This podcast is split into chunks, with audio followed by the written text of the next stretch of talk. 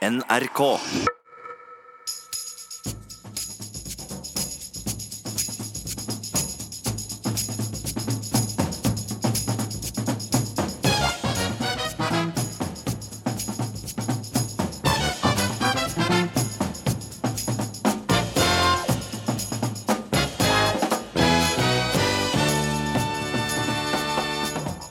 Utagerende russ og rådyre designerskolevesker.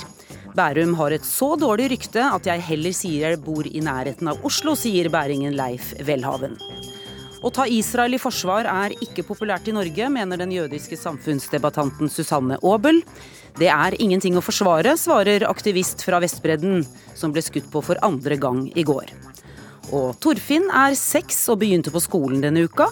Mormoren hans er 64 og forteller om en ganske annen første skoledag.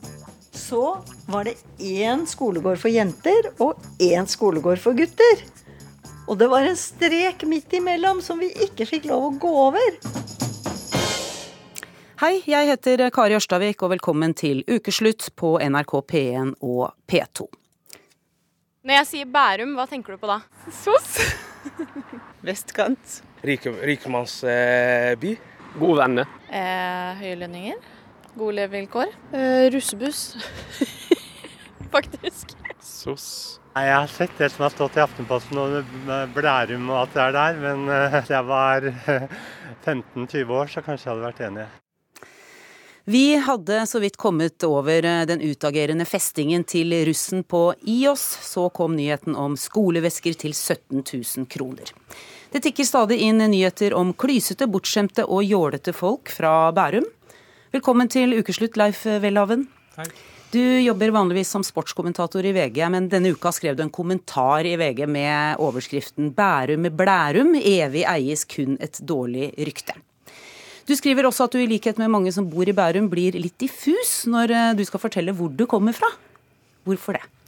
Det er vel en form for uh, sosial uh, selvskåning, etter at man uh, gjentatte ganger altså, opplever hvor, hvor dårlig rykte Bærum har der ute. Og hvor man blir liksom lei av samtaler hvor du må avkrefte at folk tror du har svømmebasseng på taket og fire Mercedeser og andre klisjeer som gjerne ja, veldig overdrevne karikerte klisjeer som gjerne knyttes til Bærum. For det er noe med det at for veldig mange så assosieres nettopp denne kommunen med at man automatisk er en form for selvgod, brautende broiler som bruker lommeboken som universalnøkkel for å løse livets problemer, og der man tilsynelatende tror at liksom målet til uh, målet i til uh, værelsen er å dyrke en eller annen form for overfladisk overflod.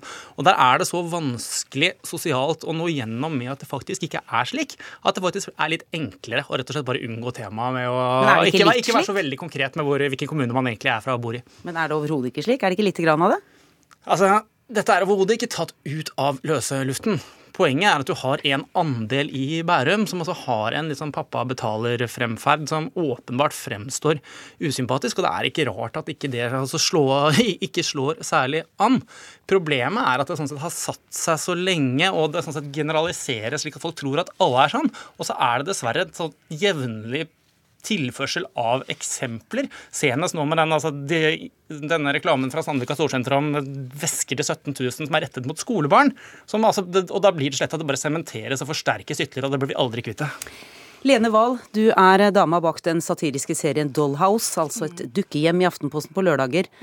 Der møter vi vår tids Nora, som nå er skilt fra Helmer. Hun egner all sin tid til mindfulness, shopping og trendy reiser. Barna og husarbeidet er overlatt til au pairen. Mm. Du bor i Bærum. Har du fått mye inspirasjon derifra? Ja, jeg må jo si det. Jeg bor jo midt eh, i Bærum, Haslum. Og det er jo bare å titte ut av si, vinduet eller gå på butikken. Eller jeg har jo tre barn nå, og da ser du jo, du får det i alle varianter. Det er, jeg syns Det er, det er litt ufortjent òg, men det, for, er, vi fortjener det litt òg. Ja. Fortell litt. Du er altså oppvokst uh, i Bærum og bodde ja. i uh, utenbys, uh, eller utenbygds noen år, og kom ja. tilbake igjen til Bærum noen år seinere. Og du fikk deg noen overraskelser? Ja, jeg bodde jo i Bergen.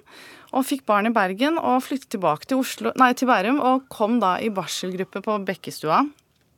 Og var, altså jeg var 25 år, veldig ung i sånn bærumsk målestokk for å få barn. Og jeg følte at alle i barselgruppa var 40 pluss. kanskje det var litt i mitt hode òg, men de var i hvert fall mye eldre, og alt på stell. Det var hus, det var bil. Det var liksom Alt var i orden, og man kunne ta opp sånne ting eh, som Hva gjør man med svømmebassenget når barna begynner å stabbe rundt? Og da Det er jo Hva er det? Ja. Ikke en kommunikasjonsguru i verden kan få Blærum ut av Bærum, skriver du, Welhaven. Vi har fått en kommunikasjonsrådgiver med eget kommunikasjonsbyrå til og med hit. I tillegg er han bæring. Ole Kristian Apeland, velkommen. Takk. Du forteller gjerne at du kommer fra Bærum. Ja, jeg er stolt av Bærum. Jeg syns det er en fantastisk fin bygd. Du er heldig som eh, får bo der. Det er jo et attraktivt sted å bo fordi at eh, vi har nærhet til Oslo, vi har nærhet til sjøen, vi har marka, og det er et eh, masse hyggelige mennesker. Det er en flott kommune som vi bør være stolte av. Jeg tenker at vi skal si at vi er fra Bærum og være stolte av det. Men liker du bildet av deg sjøl som rik og vellykka, bortskjemt og klysete, for å sette det på spissen? Nei, jeg syns ikke det er noe hyggelig. Men samtidig så kan jeg ikke liksom få meg til å bli veldig opprørt over det. Jeg synes, det er, dette Bærum Blærum har vel levd i 50 år eller noe sånt, og det er en morsom litt sånn klisjé, og jeg tror eh, folk flest skjønner at det er nettopp en klisjé der. Det er sånn som, hvis, er sånn som trønderbart. Altså, hvis jeg reiser til Trøndelag, så venter jeg ikke når jeg kommer ut av flyet at alle skal gå i trønd med bart og ha skinnvest. Altså, jeg skjønner at det er et, en uh, satirisk ting som er skapt over tid, og som, at virkeligheten ikke er sånn. Det er jo 125 000 mennesker i Bærum. Det er Norges femte, stør, nei, det er Norges femte største kommune. Så det er alt mulig. Det er rikdom og det er fattigdom og sånn. Men ja, vi har et uh, godt leve, en god levestandard. Vi har høy gjennomsnittsinntekt, og vi har landets høyeste utdanningsnivå. Så det er et spesielt sted. Du burde være stolt, du, Welhaven. Altså, jeg er jo enig i at jeg bor i Bærum. Jeg har valgt å bo i Bærum og syns det er veldig mye fantastisk med Bærum. Men uh, poenget er at det er jo ikke nærheten til sjøen og, og, og skogen og Oslo som gjør at vi får det dårlige ryktet. Det er altså hvordan uh, det blir oppfattet at man oppfører seg. Og når jeg sånn tenker tilbake, så husker jeg altså barndommen jeg var hjemme hos en velbemidlet familie, hvor altså faren til kameraten min kommer altså med et sånn skriveunderlag som du har på en pult, som altså er et verdenskart, og legger det foran ni-tiåringen og spør liksom, hvor skal vi dra i sommerferien. Altså, altså, Den andelen som vokser opp med den type holdninger, bidrar til å sementere dette. Når det også nevnes Trøndelag Jeg har blitt truet med juling på en pub i Trøndelag utelukkende fordi jeg hadde sagt jeg var fra Bærum, og at han ikke likte e-endelser og tynne l-er.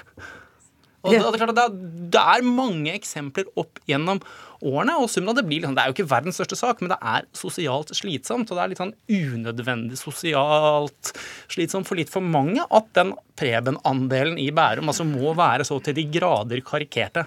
Men da må vi ikke slutte å si at vi er derfra. Da må vi jo heller fortelle at vi er derfra og vise at vi er bra folk, da. Men, men, det er jo litt slitsomt hver gang man skal presentere seg, og da måtte legge inn at nå må jeg jobbe iherdig for å fortelle at jeg ikke er slik de tror jeg er. Ja, heldigvis er det ikke sånn.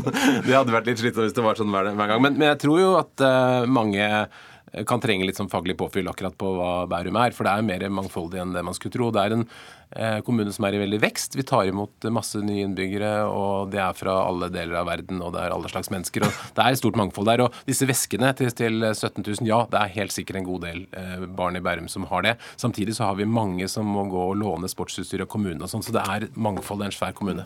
Lene Wahl, du sa her til meg før sending at Bærums dårlige rykte er ganske fortjent? Ja, ja jeg syns det er litt fortjent, eh, fordi vi, vi forbruker, og vi er på en måte foregangskommune for veldig mye. I både på navntoppen vi bestemmer litt hvilke navn som blir populære, og alt mulig sånn. Og kanskje også for den voldsomme materialismen, eller, eller, dette med russebusser. Det var jo vi som startet med det russebussgreiene. Det var vi som startet med veskene. Eh, det var Vi som sta vi starter mye sånt. Trendsettere? Ja, trendsettere i både negativ og positiv bety betydning. Og da og så kommer de andre etter. Så, så, nå tenker jeg at det er litt ufortjent òg, fordi alle disse veskene sånn, Det er jo ikke bare i Bærum, det er jo både i Nittedal, det er eh, i Oppegård, ikke sant. Men det var kanskje vi som startet det. Men Russebuss er i ferd med å forsvinne fra Bærum. Det har begynt å komme til andre steder i stedet. Og det tenker jeg at det er en bra ting. At vi som trendskapere kan gå andre veier òg, og så få de andre til å, å, følge med. At det er kanskje en måte å få dette Blærum-stempelet borte. At vi faktisk går i bresjen for sånne ting. Og de gjør jo selvfølgelig på Ja, tar ansvar for det vi har litt stelt i stand, da. Ja. Er det noe ja. dere kan gjøre, Welhaven, for å få et bedre rykte? Det er jo som alt, alle andre områder i livet. Det avhenger litt av hvilke kamper du skal ta. Og det som kanskje er litt av problemet, er at disse samtalene dukker jo gjerne opp i litt sånn settinger hvis det er middagsselskaper, eller du møter fremmede på en bar, eller hva, hva det måtte være, hvor du liksom ikke har lyst til å bruke den neste timen på å forsvare deg hvor, hvor du er fra. Og det er egentlig du har, altså, du har andre landsdeler hvor folk blir satt i bås, men jeg klarer ikke å komme på en eneste kommune som er så avgrenset geografisk, hvor det altså, automatisk er så negative konnotasjoner og så stor del av befolkningen. Og det er uh... Men de fleste kommuner sliter med at ingen vet hvem de er. Som du kommer til annet sted landet, så har du ikke hørt om det. Vi har kunder som er kommuner som ønsker å bli kjent, og som ønsker at noe skal assosieres med dem, og ønsker å bli attraktive, at folk har lyst til å flytte dit eller etablere bedrift der.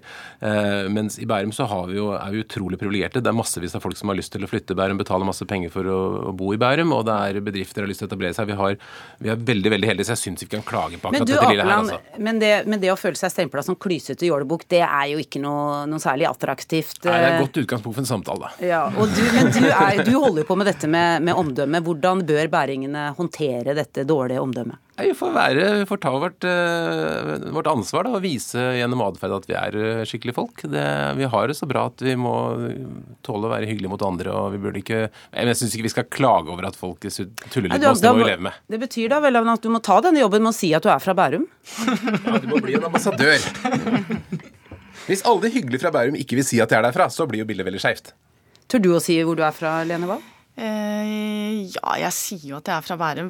Det gjør jeg. Men eh, det er klart, jeg har tre barn, og de, de Jeg spurte dem sier dere at dere er fra Bærum. Nei, de pleier å si litt utenfor Oslo. Og en mor på 75 som også sier det. Så det, det er noe der som ligger der. Man vil ikke man, Du må bevise kanskje så mye da, at ikke du er klyse. Så det er greit å starte på et litt annet sted. Kommer du til å si hvor du er fra nå, Welhaven? Ja, det blir veldig avhengig av hvem du møter og i hvilken setting. Men jeg er helt sikker på at det kommer til å dukke, dukke opp uh, nye sammenhenger hvor jeg bevisst er diffus, rett og slett for å skåne meg selv. Jeg tror ikke denne myten dør. Den kommer til å leve, men vi får bare leve med den, tenker jeg. Da satt vi her, da. Fire bæringer, faktisk. Takk eh, skal dere ha, Leif Welhaven, Lene Wahl og Ole Kristian Apeland. Å ta Israel i forsvar er ikke populært i Norge. Det skriver Susanne Aabel i en kronikk i VG denne uka. Aabel er opprørt over at døde palestinske barn får så stor oppmerksomhet sammenlignet med barn som dør i andre kriger og konflikter. Og Susanne Aabel, du titulerer deg som menneske, mor, jøde og samfunnsdebattant. Og hva er det som opprører deg? Det, først og fremst så opprører det meg at det dør barn i Midtøsten. Ikke minst palestinske barn. Og så blir jeg litt fortvila over fokuset på hva Jeg ser en slags ubalanse i oppmerksomheten disse dødsfallene får. Jeg tenker på de 5000 palestinske menneskene som døde i Syria de siste årene, som ikke har fått tilnærma lik oppslag som det de israelsk myrdede barna og voksne har fått, og jeg lurer på hvorfor. Ja, Hvorfor tror du det har blitt slik? Fordi at man har fått et overfokus på de israelske overgrepene. Kristin Foss, forrige uke ble du skutt i magen med en gummibelagt stålkule av israelske soldater da du deltok i en demonstrasjon. I går var du på plass igjen for å demonstrere mot Israel og ble skutt igjen. Hvorfor gjør du dette? Er du ikke blitt skremt? Altså, jeg var jo selvfølgelig skremt fra uh, forrige helg. Men samtidig så vil jeg også vise at uh, solidariteten er, uh, er, sterk. Og så vise de innbyggerne da, i Kufur Kadum som lever med det her, som har demonstrert i syv år hver fredag og lørdag, at uh,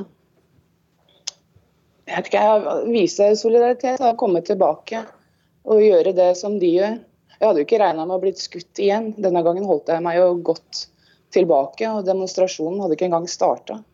Så jeg satt egentlig utenfor en butikk. Og noen israelske aktivister hadde vært og snakket med soldatene. Og så skøyt de to skudd, og det ene traff meg i foten. Så ja. Nå er jeg jo litt vettskremt, da må jeg si, for nå begynner jeg å lure på om de er etter meg, mm. egentlig. Men kan jeg stille deg spørsmålet, hvorfor engasjerer du deg for palestinerne og mot Israel? Altså, Det var ikke et bevisst valg. Jeg ble engasjert under uh, krigen mot Gaza i 2014. Uh, når jeg så på nyhetene i Norge uh, hva som skjedde, så leste jeg samtidig utenlandske nyheter og nyheter fra området. Så innså at det her stemte ikke overhodet, liksom. Det ble jo fremstilt som en likestilt kamp mellom to menneskegrupper.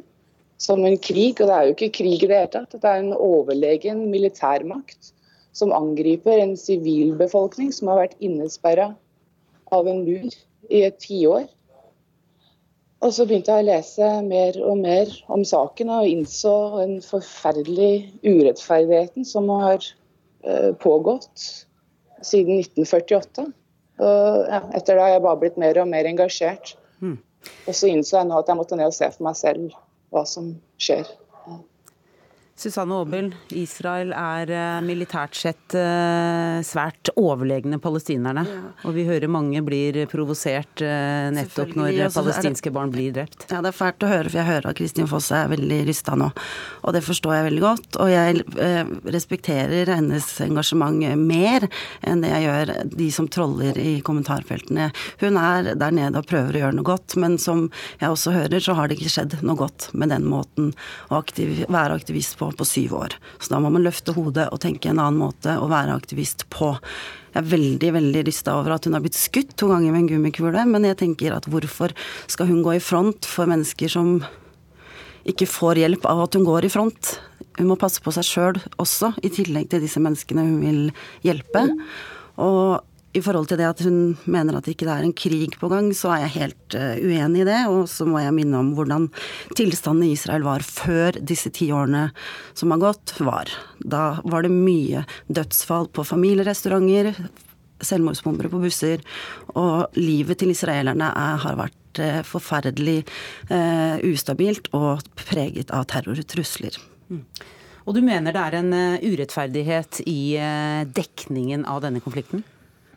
Ja, det er jeg veldig overrasket over. Altså, det er egentlig bare å gå på Retriever eller Ja-tekst og søke opp hvem, eh, slags, hvem side i konflikten som får mest oppmerksomhet. Der tar Kristin Foss rett og slett feil. Det er den palestinske siden som får flest oppslag. Eh, men det er ikke det jeg, som jeg egentlig var opptatt av i saken jeg skrev i VG. Det jeg var opptatt av, er ordet barnemordere. Og hvordan man fremstiller da israelerne spesielt som eh, eh, henrettelseslystne barnemordere. For det er det. Eh, nazistene var, og det er det som var opprinnelsen til eh, den gryende antisemittismen for mange tusen år siden. Mm. Knut Magnus Berge, du er redaktør her i NRK og har i mange år ledet utenriksavdelingen. Henrettelseslystne barnemordere, er det slik vi presenterer israelske soldater? Jeg mener ikke det. Jeg mener at vi eh, forsøker å ha en balansert og nøktern framstilling av en veldig betent og vanskelig konflikt. Jeg syns òg det er grunn til å nyansere litt dette bildet eh, av at eh, det er denne konflikten som blir dekt, og ingen eh, andre. En, en, en, grei gjennomgang som jeg nettopp har gjort de to siste åra, viser f.eks. at den fryktelige krigen i Syria får langt, langt flere oppslag hos oss enn f.eks. Israel-Palestina-konflikten. Det er helt rimelig, men sånn er det altså. Stemmer det ikke det inntrykket du sitter med da, Susanne Det er meget mulig, men eh, på det forumet hvor jeg opererer, som er sosiale medier, så er det der det flyter eh, saker videre. Så jeg vil da si at eh, de israelske, palestinske sakene er clickbait, som kanskje ikke trenger nødvendigvis like stort antall. Krigen i Syria har vært såpass enormt mer blodig og konfliktfylt og dødelig at det skulle bare mangle. Men når alt kommer til alt, så engasjerer det ikke like mye som det som skjer i den lille flekken i Midtøsten der som heter Israel-Palestina, forhåpentligvis en vakker dag. Mm. Og Kristin Foss, du er i Ramallah. så hva Aabel mener det er en urettferdighet i engasjementet for Palestina sammenlignet med f.eks. Eh, Jemen og Syria. Hvilke tanker gjør du deg om det? Altså, jeg syns det blir helt feil å sette de opp mot hverandre. Kan vi ikke være engasjert i begge deler, liksom? Og hvorfor skal jeg være mindre engasjert i Palestina fordi det skjer noe i Syria og Jemen? Selvfølgelig syns jeg det er helt forferdelig hva som skjer i Jemen og hva som skjer i Syria. Så hvorfor ikke, kan ikke hun da engasjere seg i det og pushe på det, istedenfor å forsvare de som faktisk eh, fører krigen mot palestinerne? da? Og jeg vil også si at det her er ikke en konflikt, slik som dere sier nå i studio. Det er ikke en konflikt, dette er en okkupasjon. Dette er et menneske som lever under okkupasjon, og som har gjort det i flere tiår. Å fremstille det som en konflikt blir helt feil. Dette er ikke en konflikt, det er en okkupasjon. En voldelig okkupasjon. Det, det, vet jeg nesten ikke hva jeg skal svare på, fordi det er ikke tilfellet. Det, det, er krig i Midtøsten, og for veldig mange så er Israel-Palestina roten til hele konflikten som fører rundt disse landene rundt også. Og det at å hevde at PLO, Fatah og Hamas ikke er i krig mot Israel, er rett og slett ikke sant. Det er løgn. De er jo under okkupasjon. Ja, det har Norge vært også. Israel, nettopp. Du, jeg vil litt inn på dette du skriver i kronikken din, Åbel, om at eh, noen barn er mer populære i gåseøyne enn andre. Ja, noen døde barn er mer populære enn andre for pressen. Ja, det var min lille clickbate, og den virka ganske fint. Eh, med det så mener jeg at det døde f.eks. 10 000 barn i Nigeria i fjor eh, via Boko Haram. De hører vi ikke like mye om, fordi vi kanskje ikke eh, identifiserer oss i like stor grad som vi gjør med israelerne og palestinerne, fordi det er nærere. Men hvis jeg kommer med argumentet om at Israel er et demokrati som vi skal følge, som har visse juridiske lovgivninger som de følger, og som kanskje aktivister også bør følge når de prøver å forsvare eh, palestinerne, så blir jeg møtt med argumenter om at Israel ikke er et demokrati, men en apartheidstat og et terrorregime. Så jeg forstår ikke helt Her er det mange ute og vingler. Nei, vi mener vel at Israel er et demokrati, Knut Magnus Berge? Israel er et uh, demokrati. Jeg tror at vi får en del av forklaringa på hvorfor eh, engasjementet er så stort rundt uh, denne konflikten, også i uh, denne debatten, og at den avføder stor pressedekning. For det er ingen tvil om at denne diskusjonen, debatten, tar mye plass også i mediene. Det er et voldsomt folkelig engasjement. Sterkt på begge. Eh, det er eh, ingen eh, felles virkelighetsoppfatning av hvordan dette er. Det er et sterkt engasjement, og det har vært i hele Israels eksistens som stat.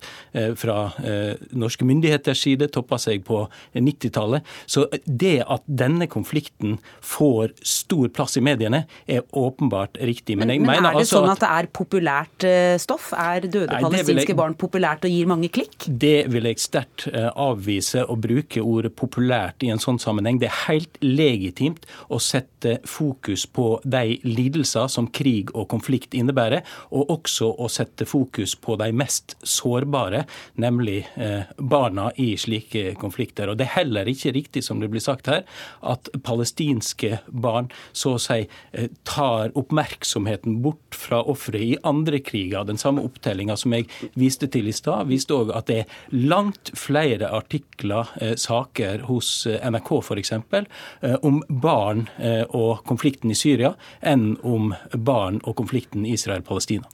Takk til redaktør Knut Magnus Berge, samfunnsdebattant Susanne Aabel og aktivist Kristin Foss, som var med oss fra Vestbredden.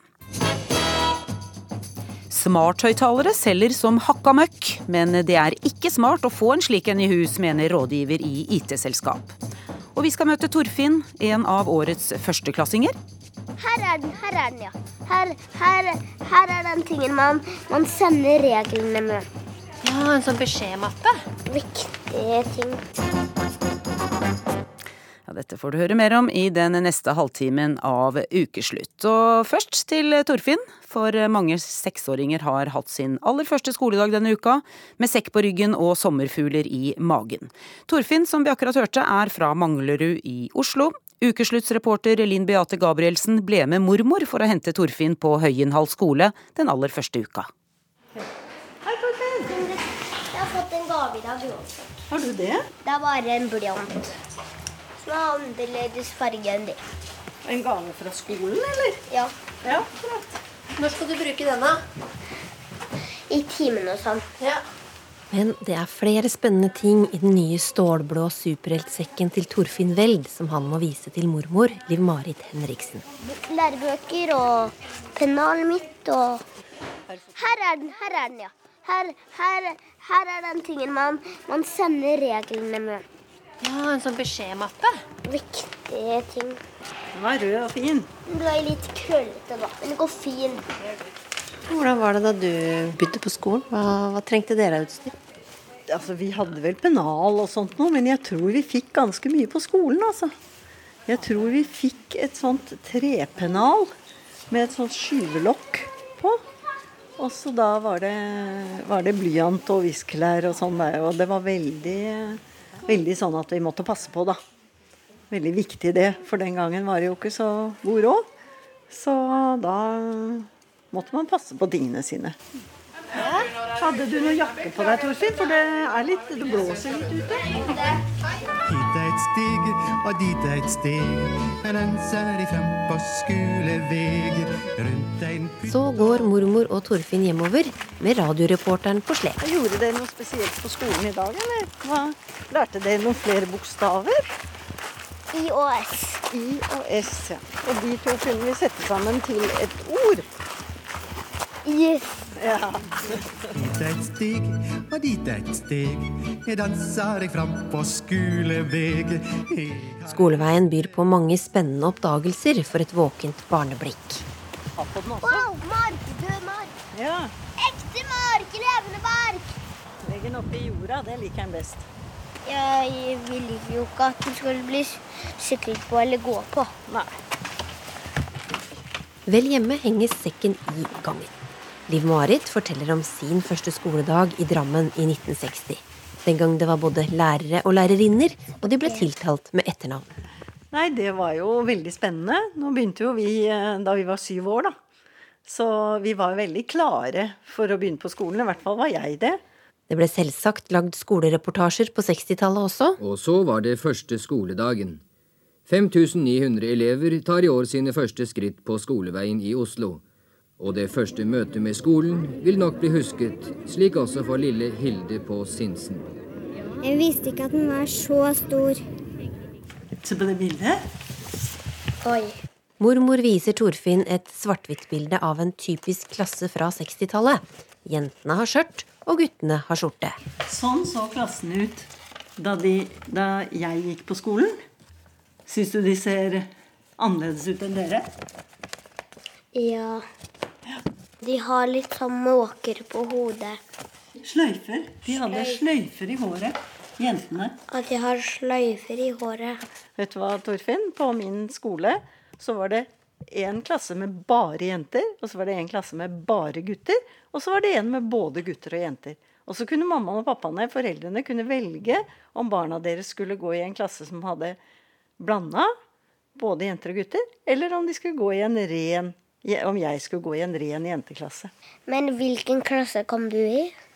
Nei, Jeg kom i den med både jenter og gutter. For det hadde mammaen og pappaen min valgt. Men faktisk, vet du også, ute i skolegården så var det én skolegård for jenter og én skolegård for gutter. Og det var en strek midt imellom som vi ikke fikk lov å gå over. Har du hørt noe sånt? Første skoledag sitter ferskt i minnet hos Torfinn. At vi bare var i salen. Rektoren bare snakka hele tida. Men dere hilste på rektor, var det ikke sånn? Ja. Ble ropt opp. Og alle ville ta et bilde da vi sto der. Hva tenker du når, du når du går inn der nå sammen med Torfinn, da? Hvordan det er i forhold til hvordan det var da du begynte på skolen? Hva, hva er liksom de største forskjellene, syns du? Det er på en måte en, en mye mindre høytidelig stemning, da. Det ringte inn, ikke sant. Og så gikk vi opp trappen. Dette var en gammel, ganske gammel, ærverdig skole, da. Eh, og så var det inn i klasserommet, og så tror jeg faktisk vi måtte stille oss opp ved pultene også. Så sa læreren at vi kunne sette oss. Så det er nok det, det er en helt annen stemning. Og mye Jeg tenker jo at det er en veldig ålreit stemning nå, altså, i forhold til det det var. For det var litt for høytidelig. Det var ikke så mye som var lov. Mens nå får de mer utfolde seg fritt og ja, få utvikle seg litt på sine egne premisser, kanskje, da. Den gangen så ble vi nok dyttet inn i den samme bossen alle sammen. Kunne dere få straff, f.eks.? Ja da, vi fikk det. Jeg husker jo at vi, hvis vi snakket for mye i timen, så kunne vi komme i skammekroken. Jeg var i skammekroken, jeg. da sto du med, med ansiktet inn mot veggen i hjørnet bakerst. Så husker jeg ikke hvor lenge vi står. Jeg tror det bare var fem minutter eller noe sånt nå, altså. Eller så kunne du komme på gangen. Det var liksom litt verre straff. Og da sto vi ute på gangen der, og så ble vi hentet inn igjen. Torfinn begynner å tulle litt med fjernkontrollen til TV-en. Hei, kan jeg skru på nå, da? Nå har han jammen vært tålmodig lenge nok med denne radioreporteren. Nå kan heile verda sjå, berre eg har marihøne på. Og det var eh, reporter Linn Beate Gabrielsen som hadde møtt Torfinn og mormor på Manglerud i Oslo. Er du lei av å skru av lyset eller slå på radioen helt selv? 120 000 nordmenn har kjøpt en såkalt smarthøyttaler i løpet av 2018, og enda flere sier de vil kjøpe en i nærmeste framtid, ifølge en undersøkelse fra stiftelsen Elektronikkbransjen. Smarthøyttalerne lytter og utfører teknologitjenester, hvis du bare snakker engelsk til dem, da. Hans Petter Nygaard Hansen, du er digital kommunikasjonsrådgiver og kan vel kalles entusiast i denne sammenhengen? Du har hele fem slike smarthøyttalere, du. Ja. Hvorfor det? Fordi jeg er ikke bare entusiast, men jeg vil kanskje gå så langt som å si at jeg er litt sånn teknologinerd. Født og oppvokst med sped start av teknologien. Og har ikke DAB-radio, har ikke DVD-spiller og andre sånne gammeldagse produkter. Og, og falt da for disse smarthøyttalerne, som kan være sånn multiromsløsning, og som for så vidt da er egentlig bare starten på at stemmen vår på mange måter er i ferd med å bli liksom den nye fjernkontrollen eh, til internett og alt som tilkobles eh, internett. Mm. Og så har du fem stykker av dem. Hvor står de? De står godt spredd over eh, hele huset. Jeg har til og med en smarthøyttaler på soverommet. Det finnes jo mikrofoner på disse her også. Eh, og så har jeg det på badet, sånn at jeg kan liksom få med de siste nyhetene mens jeg står og pusser, pusser tenna. Så har jeg en på hjemmekontoret, og så har jeg koblet et par stykker sammen på kjøkkenet og stuen. Du, Vi skal høre et eh, klipp der du viser hvordan du bruker smarthøyttaleren. Alexa, how's the weather forecast for Oslo on Sunday? Here's the forecast for Sunday, August 26th in Oslo, Norway. Look for lots of clouds, with a high of 16 degrees and a low of 7 degrees. Hey Google, how does a cow sound like? This is a cow. Ja, her fikk vi servert værmelding for i morgen og lyden av en ku. Er det ofte du får feil svar, eller? At rauting blir til bjeffing, f.eks.? Det er ikke så ofte jeg spør hvordan en ku høres ut, for å være helt ærlig. Eh, det var nok bare et lite eksempel på, på et par av de tjenestene du kan få til. Og så hadde jo jeg da testet her med, med, Siri, som da bare ga meg noen forslag til nettsider jeg kunne gå inn og høre på en ku. Og så var det jo forskjell da på kurautingen fra eh, Google Home og eh, Amazon Echo. Men det her er jo også bare en sped start på hva vi kan få til. Du nevnte jo innledningsvis dette med lyspærer, radio. Eh, etter hvert så tar vi sikkert persienner. Kanskje vi bare sier at eh, nå skal jeg se på en film, Google. Kan du ta oss og fikse liksom filminnstilling? Så drar ned gardinene, låser døra osv. osv. Pass på at eh, mobiltelefonen har skrudd av alt av notification, så at ikke du blir forstyrret. Men, dette, kan ikke vi gjøre dette sjøl? Selvfølgelig kan vi gjøre det sjøl. Vi, vi, vasket jo klær selv nå, i gamle dager. Nå bruker vi jo vaskemaskiner. Så alt som er nytt, eh, blir ofte kalt liksom for teknologi og roboter. I det øyeblikket det blir allemannseie, så kaller vi det egentlig bare for det det er. Før så gikk vi jo manuelt med gressklipperen. Nå er det flere og flere også som er en sånn såkalt robotgressklipper. Dette mm. er bare en del av utviklingen. Helene Gjørum, du er eh, kommunikasjonsrådgiver i IT-selskapet Itera. Du er skeptisk til smarthøyttalere og mener at andre også bør være det. Ja, jeg er i hvert fall skeptisk enn så lenge. Jeg ser veldig godt argumentene til Hans Petter her. Eh, må innrømme at jeg har en robotklipper. Eh, men det tar nok litt lengre tid før jeg velger å ta en eh, slik høyttaler inn i mitt hjem. Og det er av to årsaker. Det ene er jo selskapene som står bak. Og de dataene de da potensielt etter hvert lagrer om deg, som kommer til å bli ganske mye jo mer du snakker med den, og etter hvert som du lærer den opp.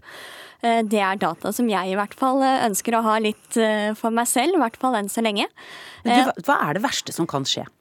Det verste som kan skje, tror jeg for min del, det er egentlig scenarioer jeg egentlig ikke kan se for meg akkurat nå. Og det har noe å gjøre med at vi vet ikke hva dataene potensielt kan brukes til i framtiden. Det vi vet, er jo at dataene blir lagret, og at noen kan få tilgang på de, noen du kanskje ikke ønsker skal ha tilgang på de senere. Mm. Eh, og så har det jo vært eh, avslørt en rekke ganger allerede nå at dataene våre allerede i vår tid nå blir solgt til tredjepart. Eh, og vi hadde jo bl.a. Cambridge Analytica-skandalen, som potensielt faktisk påvirket det amerikanske valget. Og det var jo basert på data som vi hadde gitt fra oss. Og så har du et, eller noen skrekkeksempler fra Kina. Ja. Kina de ruller ut et nytt system i disse dager Eh, kalt sosialt kredittsystem. Eh, dette var eh, opprinnelig annonsert i 2014 og skulle være et tiltak for å hindre korrupsjon i landet. Og planen er at systemet skal være oppe og gå innen 2020, altså om egentlig ett og et halvt år. Dette er et system som bruker teknologi aktivt, altså alt vi legger igjen av digitale spor, eller alt som kinesiske innbyggere legger igjen av digitale spor, eh, inkludert eh, overvåking eh, med kameraer som kjenner igjen ansiktene i løpet av få minutter. Dette da, vil kunne danne grunnlaget for en poengsum og den poengsummen igjen eh, vil gi deg muligheter i livet, og kunne også ta fra deg muligheter. Så et, et eh, veldig konkret eksempel er hvis du f.eks. ikke har betalt regningene dine, eller du kanskje har spilt World of Warcraft i litt for mange timer en dag, så kan du potensielt få en dårligere score. Eh, og, man, og da kan myndighetene bruke det mot deg? Det kan... det kan være at du ikke får lov til å reise utenlands, det kan være at du får dårligere lånebetingelser, det kan være at barna dine ikke kommer inn på de universiteter og høyskoler de kanskje ønsker å gå på. Men det er ganske... Du, da blir du ikke skremt du da, Nygaard Hansen? Eh, jo, men nå bor jeg for så vidt ikke i Kina. Eh, jeg, frykter Kina. jeg, frykter jo Kina, mer enn det jeg frykter Facebook. Ja. Men eh, når vi snakker om smart... Kina kan vel komme inn på smarthøyttalerne her i landet nå, kanskje? Eh, ja, og det gjør de jo. Eh, vi har jo flere kinesiske selskaper her nå i dag som selger produktene sine i Norge, som er forbudt f.eks. For i USA, og som er forbudt i nå også da i Australia. Hadde du hatt, eh, vært redd for å kjøpe kinesiske produkter? Um, jeg har jo kinesiske produkter. Jeg flyr jo rundt med en sånn DJI uh, Mavic Pro-drone, som også da CIA, NSA og FBI påstår uh, Men du, Hva om noen, noen hacker seg inn på, på høyttaleren din, da? Ja. Du har jo til og med en på soverommet. Ja. Det er mye man kan gjøre da, er det ikke? Eh, jeg snor, altså I den grad de skal presse meg for penger fordi at jeg snorker altså, husk, vi, vi, må, vi, må, prøve å være litt realistiske her nå. I, I, Norge i dag så har stort sett alle i Norge har tilgang til internett. Nesten alle i Norge har tilgang til internett via en smarttelefon. Den smarttelefonen har også en mikrofon. Uh, bruker du en, en Android-telefon i dag, eller bruker du en Apple iPhone i dag, så har de aller fleste skrudd på den mikrofonen, også da bl.a. for å bruke Siri. Så jeg er jo mer, altså, sånn sett så er jeg mer bekymra for at vi ikke har et bevisst bevisst forhold til at den mobiltelefonen kan trekke oss. Den overvåker oss. Den kan lytte til oss hele tiden, enn at vi har en fysisk dings nå i dag som jeg kan be om å liksom spille av en lyd av en ku, eller låse døra, eller hva det måtte være. Det er jo bevisstgjøringen som jeg er eh, mer opptatt av, og vi, vi må skille mellom eh, regimer og kommunistiske styrer. Men da, men da, lurer jeg på, Er noen mer skikket til å ha disse smarthøyttalerne enn andre? Jørund? Eh, om ikke skikket, eh, men jeg tenker det viktigste før man eh, tar i bruk egentlig all ny teknologi, og også disse nye smarthøyttalere, er at man eh, har prøvd å lese seg opp på hva som har kommet av siste eventuelle avsløringer av sikkerhetshull. Uh, det begynner også å komme forskning uh, på hvordan disse ikke nødvendigvis er sikre nok. Altså at man har lest seg opp, at man har gjort research før man tar ny teknologi inn i hjemmene sine og livene sine.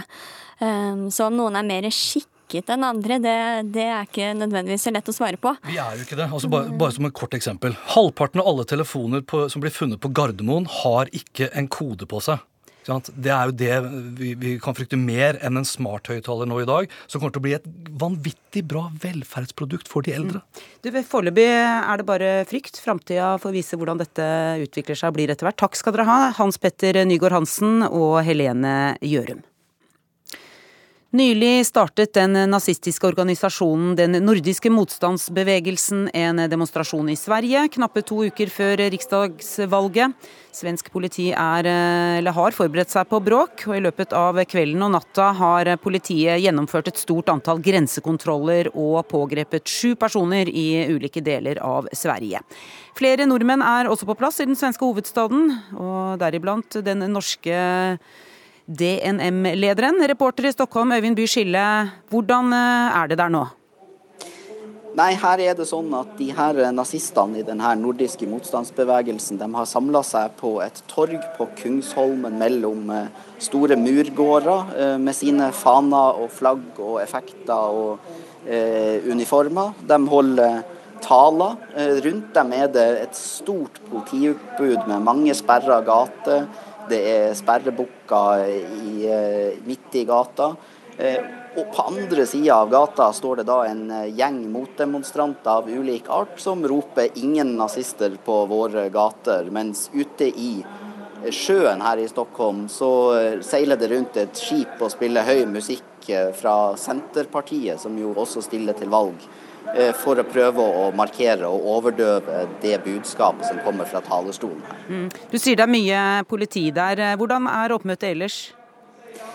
de her, eh, denne motstandsbevegelsen eh, prøver jo å, å, samle og få oppmerksomhet midt i valget. Og, men de har ikke fått klart å samle så veldig mange. Det er vanskelig å si helt nøyaktig, men jeg vil kanskje tro at de er rundt 200. Og i tidligere demonstrasjoner har de vært flere.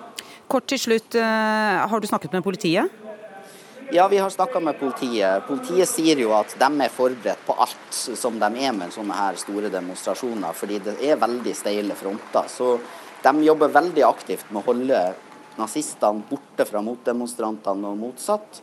Eh, det som skjedde nå her eh, i forbindelse med demonstrasjonen som har skapt litt eh, usikkerhet for politiet, var at demonstrantene nekta å gå i den ruta som de hadde fått tilvist, og er blitt stående på det her torget. Så man er litt usikker på hva som skjer når de er ferdige å holde alle talene sine. Takk skal du ha, Øyvind By, By Skille. Ansvarlig for eh, ukeslutt i dag var Berit Ytrehus, teknisk ansvarlig Eli Kyrkjebø og her i studio Kari Ørstavik. Og takk for at du hørte på. Ukeslutt kan du høre når du vil, hvor du vil, enten som podkast eller i NRKs nettspiller som du finner på nrk.no.